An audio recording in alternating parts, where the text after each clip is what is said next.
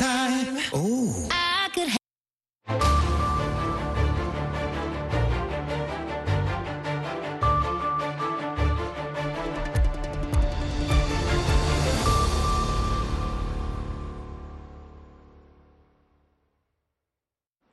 halkani waa washington laanta af soomaaliga ee v o a oo aad ka dhagaysanaysaan mowjadaha gaagaaban efemyada geeska africa iyo caalamkao dhan oo aad nagala socotaan boggeena internetka ee v o a somaly com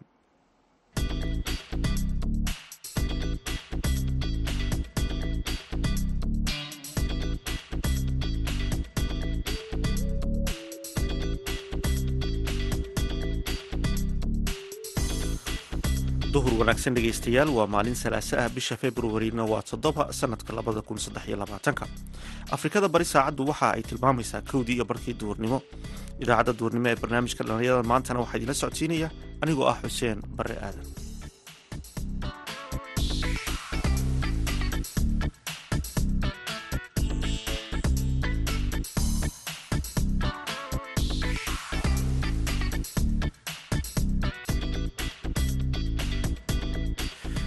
qodobada aad ku maqli doontaan idaacadeena duhurnimo ee barnaamijka dhallinyarada maanta waxaa ka mid ah magaalada berbero oo laga furay xarumo haweenka lagu baro xirfadaha noloshooda anfaca waxaan ahay macalimad cunto karin. In badanna ku soo guda jirtay cuntada sida loo sameeyo. Hablaha markaa waxaanu barnaa cuntooyin kala noocnooca sida ugu fiican ee loo karin lahaa cuntooyin kala noocnooca waxaanu barnaa nadaafadda waxaa kalood maqli doontaan dhibaatada tahriibta iyo waxaa la gudboon dhallinyarada iyagu u hanqaltaagaya inay tahriibaan heesihii iyo ciyaarihii ayaad sidoo kale maqli doontaan balse marka hore ku soo dhowaada warkii dunida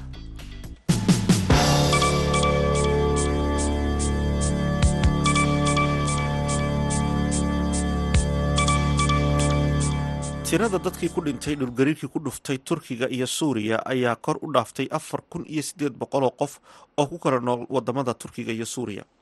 Tirada dadka ku dhintay dhulgariirkii ka dhacay turkiga subaxnimadii saaka waxa ay maraysay in ka badan saddex kun iyo shan boqol oo qof. Sida uu sheegay sarkaal ka tirsan hay'adda maaraynta masiibooyinka ee turkiga. Tirada dhaawaca ayaa gaadhay in ka badan labaatan kun oo qof iyadoo ay sii dheer tahay burburka shan kun iyo toddoba boqol oo guri. Amaba dhismo dhimashadii ugu badnayd ee ugu dambeysay suuriya ayaa kor u dhaaftay kun iyo shan boqol oo qof.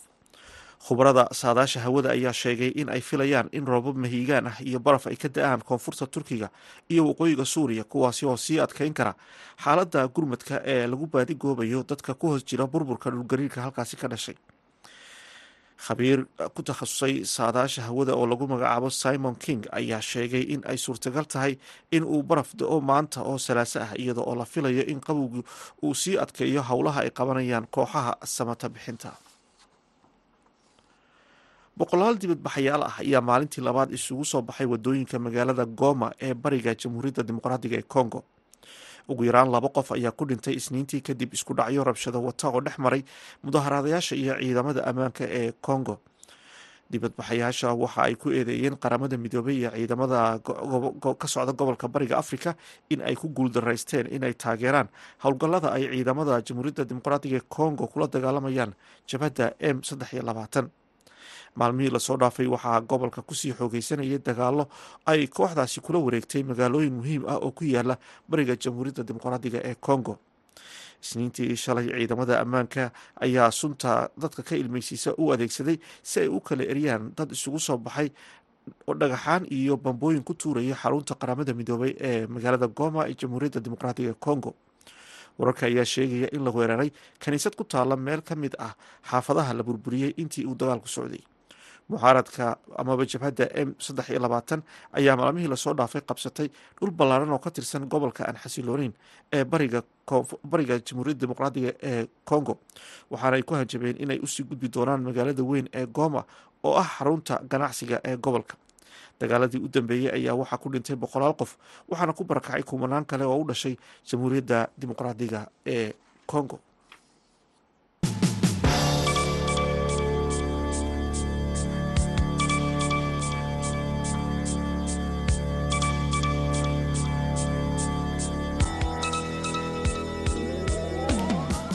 halkaad dhegeystayaad nagala socotaan waa laanta af soomaaliga ee v o a. Magaalada berbere ee somalilan waxaa ka jira xarumo xirfado oo ay ku shaqaystaan lagu baro haweenka. Waxyaabaha la baro waxaa ka mid ah cunno karinta iyo sidii ay nolol maalmeedka uga dhigan lahaayeen. Wariyaha v o eda cabdikariim olol oo hadda ka hor booqasho ku tegay magaalada berbera ayaa la kulmay mas'uuliyiinta xarumaha tababarka siiya haweenka. Warbixintan ayuuna ka soo diray magaalada berbere waxaa ku taalla xarun loogu talagalay in hablaha lagu tababaro. Halkani waa goob ay cunno karinta ay ku bartaan. Mas'uuliyiinta xarunta tababarka xirfadaha yuvenco inay gabdhahani u tababaraan siday cunno karinta u baran lahaayeen. Sidoo kalena ay xirfad xagga noloshooda ay ugu maareyn lahaayeen marka ay bartaan. Kuwaasoo ganacsiyo yaryar ka sameysanaya magaalada berbera halkan haatan aan ku sugannahay waa xarunta yuvenco qeybta cunno karinta caasha xasan ibraahim muddo toddobiyo toban sana ayay ahayd macalimiinta waxbara hablaha si ay xirfadda noloshooda ugu maareeyaan. Bal macalin waxaad nooga warantaa cunno karinta iyo xirfadani sidaad gabdhaha ugu tababartaan muddo badanna waad ku soo jirteen assalaamu calaykum waraxmatullaahi wabarakaat. Waan idin salaamayaa dhammaan dadka dhagaysanaya codkayga oo dhan waxaan ahay macalimad cunto karin. In badanna ku soo guda jirtay cuntada sida loo sameeyo. Hablaha markaa waxaanu barnaa cuntooyin kala nooc nooca. Sida ugu fiican ee loo karin lahaa cuntooyin kala nooc nooca. Waxaanu barnaa nadaafadda. Hadda waxaynu ka hadlaynaa fooko xarunta berberaad ayaanu joognaa. Dhowr iyo labaatan hablood ayaanu halkan ku tababarnaa ilaa shan iyo labaatan hablood. Qaar kale oo dee noo qalinjabiyey oo fara way jireen. Alxamdulilaah markaa hablaha waxaanu barnaa sida ugu fudud ee ay u soo saari karaan cuntooyin fiicfiican kuwa cuntooyinka casuumadaha cuntooyinka lagu nafaqeeyo dadka cuntooyinka dadka xanuunada la darsa xanuunada le sida macaanka dhiikarka waxaasoo kale. Maasha allah sidii ay casuumada u sameyn lahaayeen sidii ay cuntooyin fudud u sameyn lahaayeen. Waxyaalahaasoo dhan baanu barnaa. Cunno karintu maxay ka caawinaysaa gabdhaha oo kale marka ay bartaan? Waxay ka caawinaysaa horta lamber one waxay ku dabaqayaan naftooda sida guryahooga oo kale caruurtooda oo kale. Lamber two waxay ka heli karaan dhaqaale iyagoo macalimad noqda iyagoo meherad furta oo cuntooyin qurqurux badan soo saara waxyaalo badan bay ka caawin karta. Iyagoo garan kara ilmahooga cuntada uu u baahan yahay uu wax u tari karta. Ha cuntooyin macmacaan soo saari kara. Wallaahi maasha allah waxaan u dirayaa horta hablaha dadaala iyagu weyba dadaalaan. Laakiin fariin waxaan u dirayaa kuwa yar. Aan ardaydu isku dhex jirtaay qoladaa waxaan ohan lahaa buugaagta waqtiga ka faa'iidaysta.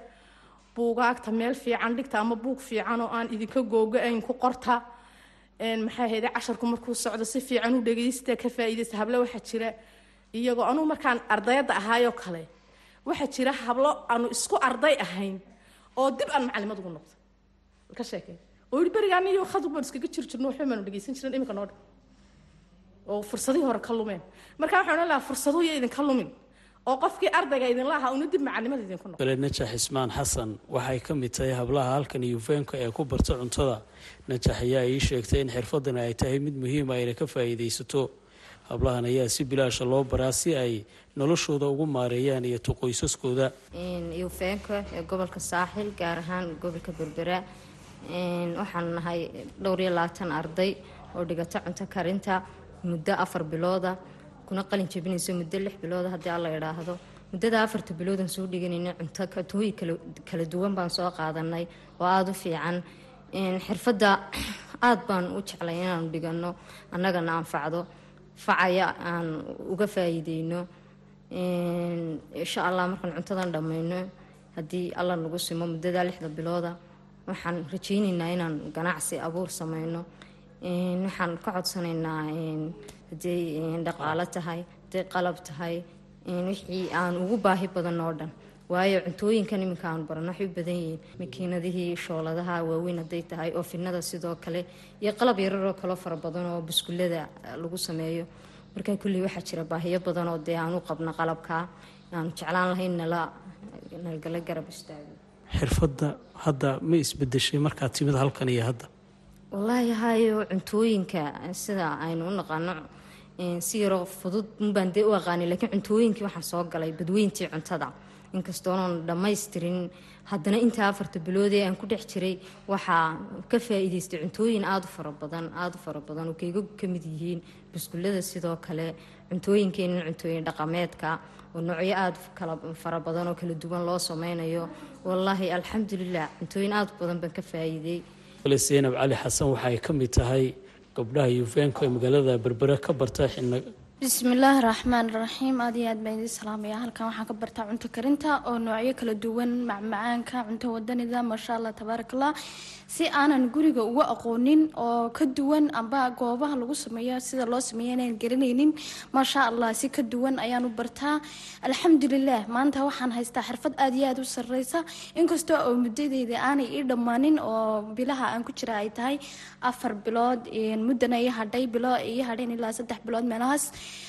maasha allah waxaan haystaa xirfad runtii markii hore iyo iminka hadda laysku qiiqaaso aanan u dhoweyn oo maxaanku idhahday cuntooyinka sidaan ka aaminsanaa samaynteeda ay aada u duwan tahay. Maasha allah tabaarakallah macalimadeeda aada iyo aad baan ugu ducaynayaa sida fiican ay ii garab istaagtay ay wax ii bartay.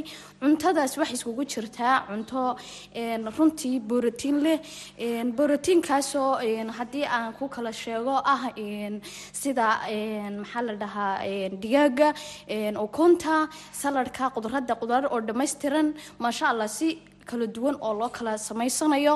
Runtii qofka caafimaadka iyo qofka xanuunada gaarkaa lehba u kala fiican maasha allah tabaarakallah rajeynayaa inaan aniguna sida macalimadeeda si ka fiican aan noqdo oo maasha allah dad badan aan soo saaro. Anigu xitaa nafteyda iyo dadkayga iyo bulshadeyda intaba aan ku taageero insha allah oo aan ganacsi hadday tahay iyo haddii ay macnaha ay tahay faa-iido kale dadka iga hooseeya maasha allah waan rajeynayaa inaan iskuul iyo macalinimo iyo meherad iyo intaaba aan insha kuwaasina waxay ahaayeen hablo cunno karinta ku barta xarunta yuvenko ee magaalada berbera oo nooga waramayay habka cunno karinta ay u bartaan. Xirfadan oo ay sheegeen inay noloshooda ku maareynayaan sidoo kalena ay doonayaan inay qoysaskooda ku caawiyaan. Cabdikariin nolol v o a magaalada berbera. Halkaad weli nagala socotaana waa laanta af soomaaliga ee v o a markana ku soo dhawaada mid ka mid a heesaan idinku talagalnay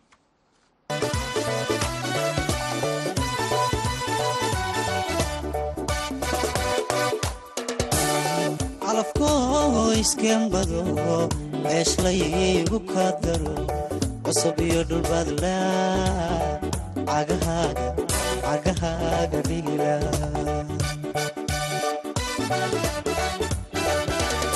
calafkoo iskembado ceeshlaygu ka daro cusub iyo dhulbaadla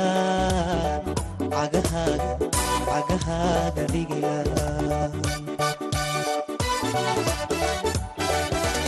isi iyo wanaag baan kugu caawinlayo. Isi iyo wanaag baan kugu caawinlayo. Cilmi baan ku bari lahaa caashaquu kow yahay. Cilmi baan ku bari lahaa caashaquu kow yahay.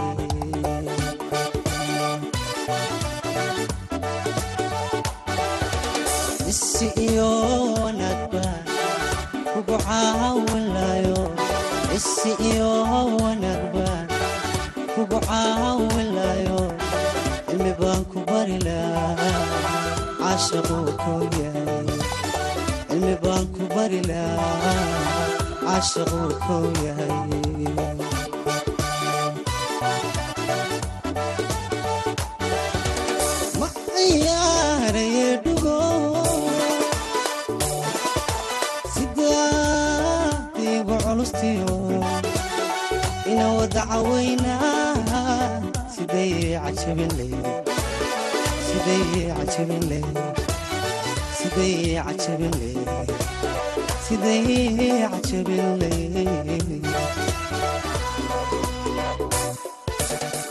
heeskaasi uu ku luqeynaya fanaanka maxamed bike halkaad kala socoteen waa laanta af soomaaliga ee v o a.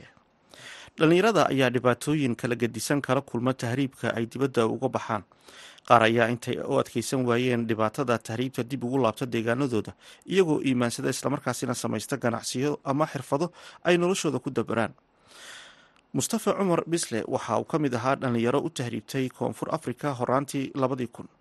Haddaba waxa uu dib ugu laabtay uu ku nool yahay magaalada boorama waxaanu u waramay haashim sheekh cumar good runaantii bay waad mahadsan tahay horta sideedaba bulshada soomaalidu inay ka xuntahayna way jirtaa dee inay ka fiicantahay way jirtaa tusaaleahaan bulshada soomaalida waxay ka fiicantahay maadaama dad xoolaleeya ay yihiin inaan la fadhiisan oo dadaal la sameeyo taas markaa macnahayga waxaan ka wada markaan dhulkii ku soo noqdo dhulkii isbeddel weyn baa ka dhacay horumar badan baa ka jira heerka aqoonta iyo heerka bulshadaba isbedelo badan heerkii anaa weli u qabi jira maaha heer ka sii sarreeya ayaa jira. Sidaa daraaddeed nidaam ganacsi baan ku soo galay nidaamkii maanbilaayo lama fahmin kadib markii dambe haddana bas driver baa noqday. Iskuulaadkayga waxa qaada. Welina waxaan ku jira barashada waddankayga mar labadaan ugu soo noqday. Noloshii wakhtigii aad ka tegtay iyo nolosha wakhtigan aad ku soo noqotay farqiga u dhexeeya maxaad ku tilmaami kartaa? Runtii waxaa jira waxaan mataqaanaaye aan la qarin karin. Markaad ka hadasho labadii qodobeen kuu soo sheegay ee xagga bulshada iyo xagga dhaqaalaha ma qarin karo dhaqaaq weyn baa ka dhacay dhaqaaq weyn oo dareemayso xitaa nidaamka electroniga ee casriga dunidu maanta ku wada oo ku jira. Nidaamka dhaqaale wax kale iska daa xitaa transportationkiiba meel sare. Xagga nidaamkii jidadkii waxaad arkaysaa nidaamkii gaadiidku isbedelay waxaad arkaysaa waxa kaloo isbedelay isdhexgalkii bulshada soomaalidu labaatan sano ka hor. Markii dowladda maxamed siyaad barre ay burburtay ee maamulka somalilan ka bilaabay somalilan soomaaliya inteeda kalena qasku ka taagnaa dadku ay ku go'doonsanaayeen nin walba degaankii uu garanayay. Hadda waxaad dareemaysaa shirkadaha basaska oo kale markaad fiiriso isku dhex socod. Wadankii isbeddel weyn oo xagga bulshada iyo xagga dhaqaalaha iska bedelay marka qofkii hadda maanta soo noqdaa wuxuu la mid noqonayaa sidii qof maanta wadanka wadankaan u dhalano maanta wadanka la jaanqaaday. Muddo badan oo labaatan sano ku dhow oo aad ka maqnayd dalka wadamo badan oo afrikaan aad soo martay ilaa south africa aad soo martay waayo aragnimo aad ka soo kororsatay waddamada socdaalka aad ku maraysay oo maanta aad is leedahay fursad waayo aragnimadaadii ayaa halkan taalla oo aad kaga faa'iidaysan kartaa ma jirtaa? Waxaa way jiraan. Jaaniska ii bannaan un baan ii saamixin laakiin khibrado fara badan oo maanta waddankeena ka bannaan baa jira. Namberko waxaa ka mid ah calafka bila'aadanka qofka u samree meel u dega hadduu u samro wakhtigay doonataha ku qaadatee waa wuxuu wax badan horumarku samey waayo bulshada cadaanka oo kale markaad eegto adduunka maanta. Waxay tiirasha ugu waaweyn marka teknolojiyadda iyo xadaaradda laga yimaado tiirasha ugu waaweyn ku hagto waxaa ka mid a nidaamkan beeraleyda ee duurka nolosha laga soo saaray ee magaalooyinka ku tiirsayin taasoo dadkeennii waqtiyadan dambe soomaalida aad moodayso miyigii in laga soo xaraynay magaalada loo wado. Dunida maanta hore martayna nolosha dhabti waxay ku tiirsantahay miyiga ama duurka. Marka waa yarnimooyin fara badan oo bulshooyinka naga xadaarad sarreeya ee naga ilbaxsan markaan fiiriyo ka bannaan waddanka way jiraan. Insha allah haddii waqtigiisa maxana waan isku dayi doonaa doola ka dhigo. Waxyaabaha fikradaha ee maskaxdaada ka guuxaya dhaqaale aad ku samayso ma ku saamaxayaan. Runtii hadda dhaqaalaha sidaa weynoon haddaan u hayo wixii ku wada karaa ma jiro. Waayo sideedaba de qofku markuu dhalinyar yahay fursada u hayo ee markaan dhalinyarta hayay iyo hadda isku mid ma hadda anigu aabbaan hay carruur baan haysta income un kama fikiri kare iyo bixinna way sugaysaa maadaama waalid carruur le ahay. Marka kharashaan bixiyo marka taas sidaa daraaddeed waxay noqonaysaa marka inaan mar walba simir aan u yeesho intaan hadafkayga gaaraya. Dhallinyarada kula mida ee hadda south africa ku hadhan ama waddamada kale afrika ku xaniban marka aad u tilmaanto wadankii iyo nolosha iyo isbeddelka ka dhacay siad ugu tilmaami kari lahayd maxaad safarin u diri lahayd run ahaantii kolley horta nin hal dabeecada waxaa jirta kolley soomaalida. Qod dadka qurbaha tega ay ogyihiin. Qofku markuu wadanka ka tego wuxuu ismooda libaax inuu ka soo fiirinayo albaabka wadanka. Waayo qofku uu isquus geliya. Laakiinse marka xaqiiqada laga hadlo dhalinyarta haddaan maanta la hadlayo de ninkii horta sharci haysta dunidaba waxay horumarka ku gaadheen cadaanku waa dalxiiska meel kastay soo maraanba fursada ka bannaan markay arkaan ka gadaal bay tegaan waxay ka abuuri karaan inay ka abuuraan. Innagana dhalinyarta maanta qurbaha jooga soomaalida waxaan kula talin lahaa bal fasaxyada wadanka yimaado markaad imanaysaan iska tago wadankii u tagown ha u tegine. Maxaa wadankii ka bannaanood ka qaban kartaa? Maxaasid ku soo kordhin kartaa? Fasaxyadaad ku imanaysaan iyo dalxiisyadaad ku imanaysaan ha ku baysgaraysnaada waxaa laga yaabaa wax badan oo idinkana fursad idiin noqda. Wadankana u baahan yahay in laga dhiso inaad dalka lagu arko. Kaasi wuxuu ahaa mustafi cali cumar oo ka mid ah dhallinyarada muddo badan ka maqnayd wadanka haddana dib ugu soo noqday oo hayaan dheer oo muddo labaatan sano ah ku maqnaa waddamada afrika gaar ahaan south africa iyo wadamo kale oo ka mid a afrika oo aanu ka wareysanaynay xaaladda nololeed ee markii uu dalka ku soo noqday uu kala kulmay wadanka iyo shaqooyinka uu hadda qabto. Haashim sheekh cumar good v o a boorama. Halkaad weli nagala socotaana waa laanta af soomaaliga e v o a oo si toosa idinka imanaysa washington. Markana ku soo dhawaada xubintii ciyaaraha waxaana la socodsiinaya maxamuud mascade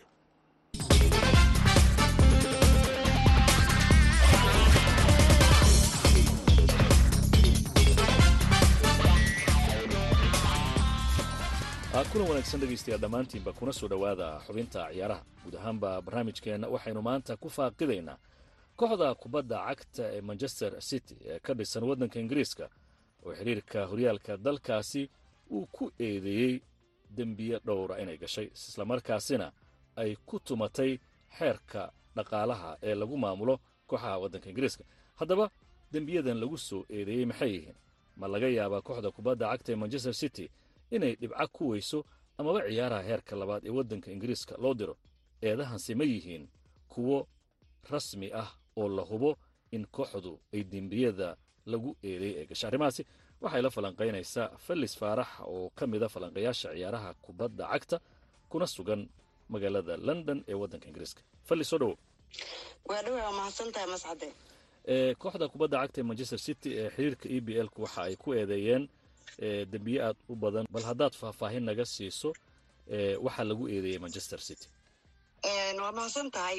Sideedaba waxaa premier leagu ay nala qaybsadeen statementi ay soo saareen oo ah in lagu eedeeyey inay manchester city ay jebisay boqol sharci oo ah maarata financial fair play f f b taas oo markeeda horeba nagu soo korodhay labadii kun iyo sagaalkii waxaan la soconnaa wax yar haddaan background gadaal u laabto kooxdan manchester city waxaa la iibsaday labadii kun iyo sideedda waxaana iibsaday abudabi groups.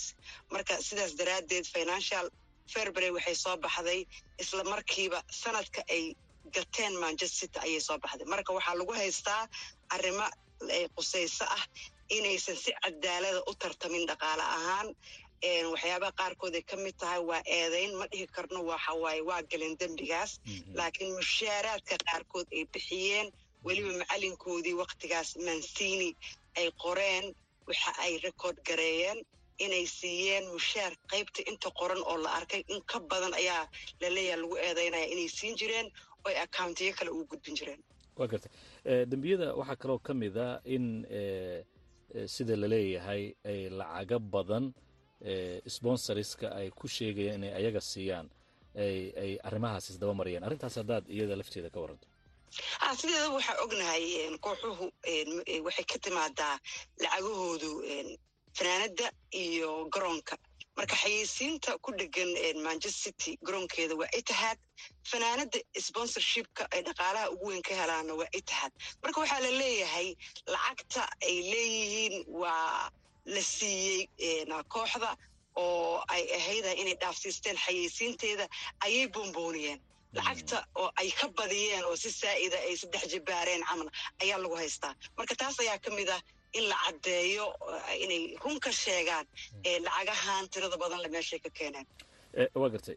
Haddaan in yar aad ka dulmartay waxaa la yidhaahdo fair playga maxaa horta sharcigan sidiisa muxuu yahay sideese loogu talagalay kooxu inay ku dhaqmaan? Waxaa sharcigan wuxuu yahay in ay isha ku haayaan kooxaha inay isku maamulaan lacagaha faa'iidada ay ka sameeyaan kooxdooda dhexdooda si kooxaha kaleeta aysan meesha ugu dhex lumin oo aysan khasaaro badan aysan ula kulmin oo mararka qaarkood waxaa dhacda benley oo kaleeto oo dhacaysoo kaleeta in maaragtay cayaartooy ay gadan lahayd inay fallisaan oo cayaartooy qiimihiisu ay ku soo gadan lahaayeen labaatan milyan ay manchester city konton milyan ay ka dhigto. Marka waxaa la ilaalinayaa waxay tahay ah in si siman loo tartamo. Oo kor ayay ka ilaalinaysaa. Sharcigaana wuxuu yimid labadii kun iyo afartii ayay run ahaantii ay shaki ka galay yurub iyo khaasatan premier leaguaba in maadaama abramovich lacagaan macquul ahayn uu soo geliyey chelsea in isha lagu haayo oo aysan sida kooxaha kale aysan oga qadin kooxaha ku qadaya waxaa ka mid ahaa kooxihii waagi horeeta iyagu keligood isku fillaa oo gadaal uga dhacay oo booska afraad iyo gadaal uga dhacay. Marka saas daraaddeed waxay ka dhigteen sharci in la fiiriyo kooxda dhaqdhaqaaqeeda iyo ganacsigeeda. Waa gartay kooxda kubadda cagta ee manchester city haddii eedahan lagu soo eedeeyey lagu helo maxay la kulmaysaa waxyaaba badanay la kulmi kartaa. Inkastoo hadda ka hor markii cofidka yimid labadii twenty twentyba waa lagu qabtay waxayna ahayd in maaragtay laba horyaal laba xilli ciyaareeda isku xigta ay ka maqnaadaan champion leaga laakiinse dacwo ayay ka qaateen oo ganaax yar oo toban milyan ay uga fakadeen. Hadda tan iyo smaratan waa brimier leaga ciqaabteeduna xaq bay u siinaysaa brimier leaga inay u laabtaan ilaa labada kun iyo sagaalkii ay gadaal u laabtaan. Marka waxaa dhici karta in buundooyin ugu yaraan shan iyo toban buundo ilaa iyo labaatan laga jaro waa dhici kartaa waxaa kaloo dhici karta in laga ciqaabo dhanka soo gadashada oo aysan ciyaartooy dambe aysan soo gadan karinin. Waxaa kaloo suurtagala oo hadda la hadalhaya ciyaartooyadii hadda ugu dambeeyey haalan oo kale in la kansal gareeyo contractigiisii oo oo laga dhigo inaysan maaragtay gadaninaysa u cayaarinaysa una safan.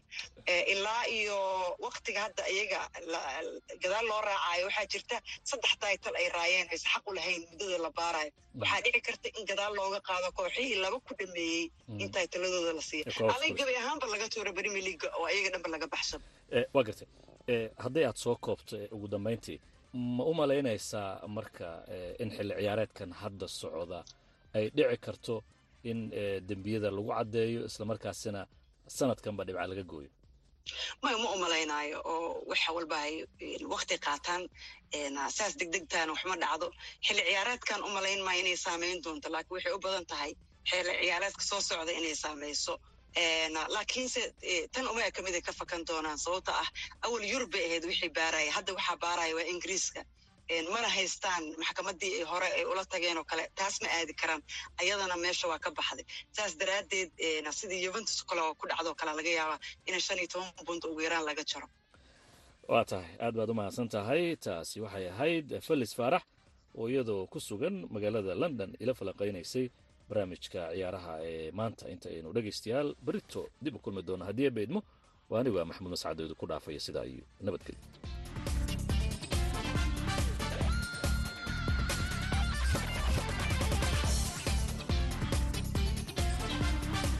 aad ayuu mahadsan yahay. Maxamuud mascado ina la socodsiinaya xubintaasi. Ciyaaraha halkaad kala socoteenna waa laanta af soomaaliga ee v o a. Markana aynu ku wada nasanno mid ka mid a heesahan idinku talagalnay. moodayn